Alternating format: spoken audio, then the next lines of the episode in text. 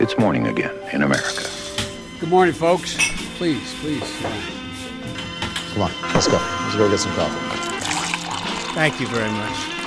Det er mandag 26. oktober. Det er kun åtte dager igjen til presidentvalget, og morgenkaffen er servert.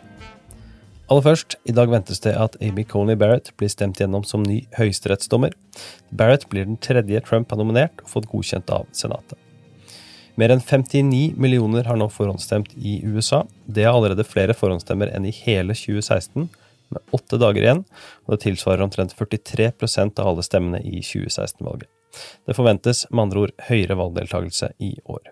Hos Real Clear Politics leder nå Joe Biden med åtte poeng nasjonalt, 50,8, 42,8. 538 viser 9,2 poeng i favør Biden, 52, 42,9.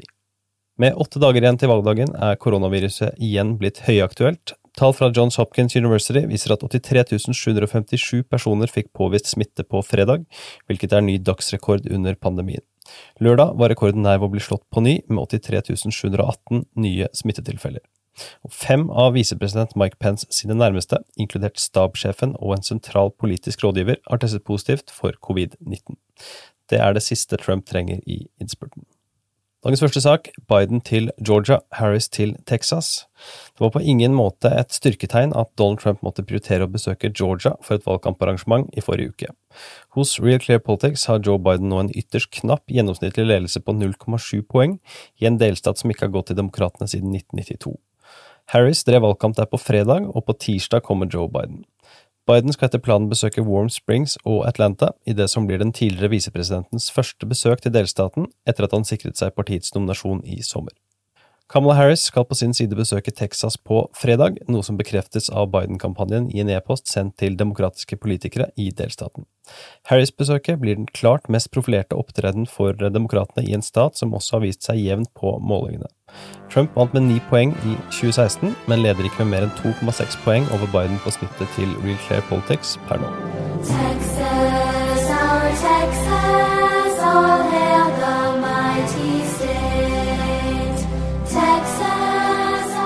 Snittet til 538 viser dødt løp, 47,5, 47,5, men vinnersjansen til Trump ligger fortsatt på 62% Ingen demokrat har vunnet Texas i et presidentvalg siden Jimmy Carter i 1976. Det er rekordmange som har forhåndsstemt i Texas allerede.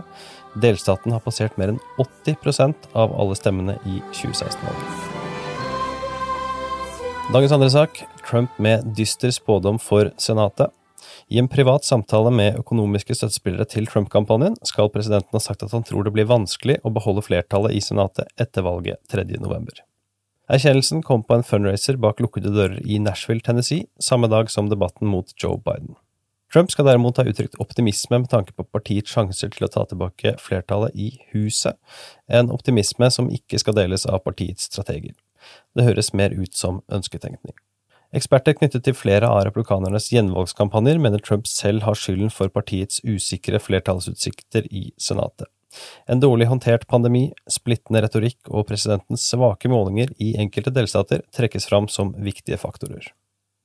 Dagens tredje og siste sak, endelige stalltips til guvernørvalgene. Elleve delstater samt Puerto Rico og amerikansk Samoa har guvernører på valg i høst. Nå har vår valganalytiker Jon Henrik Gilhus tatt en siste gjennomgang av kandidatene før valget. Du leser en utfyllende analyse i en egen sak på amerikanskpolitikk.no. Dagens utgave av Målkaffen er servert av Henrik Skotte og undertegnede Are Togflaten. Dersom du ønsker din egen Ampol-kopp, ta turen til patreon.com.